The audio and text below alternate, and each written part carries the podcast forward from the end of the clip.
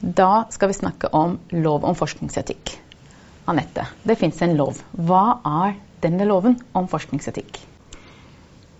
Det er eh, gitt to lover om forskningsetikk i Norge. En gammel, som nå har opphørt, og så har vi den nye loven som kom i 2017.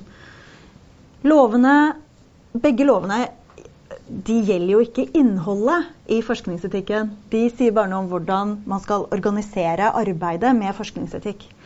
Så eh, lovene sier noe om uredelighet. Det sier noe om hvordan man skal behandle saker om uredelighet. Det sier noe om institusjonenes ansvar. Og det sier også at forskere har en aktsomhetsplikt til å kjenne hva som er anerkjente forskningsetiske normer. Ja. Eh, og hvis, vi, hvis, det er noe vi skal huske da, eh, om loven om forskningsetikk for oss som ikke er jurister, hva er det, hvis vi kan oppsummere da om eh, denne loven her, hva er det som er viktig å ta med oss? At lovene her, de er mest viktig når man sitter på institusjonen. På institusjonelt nivå så er de viktige. De er ikke så viktige for enkeltforskere.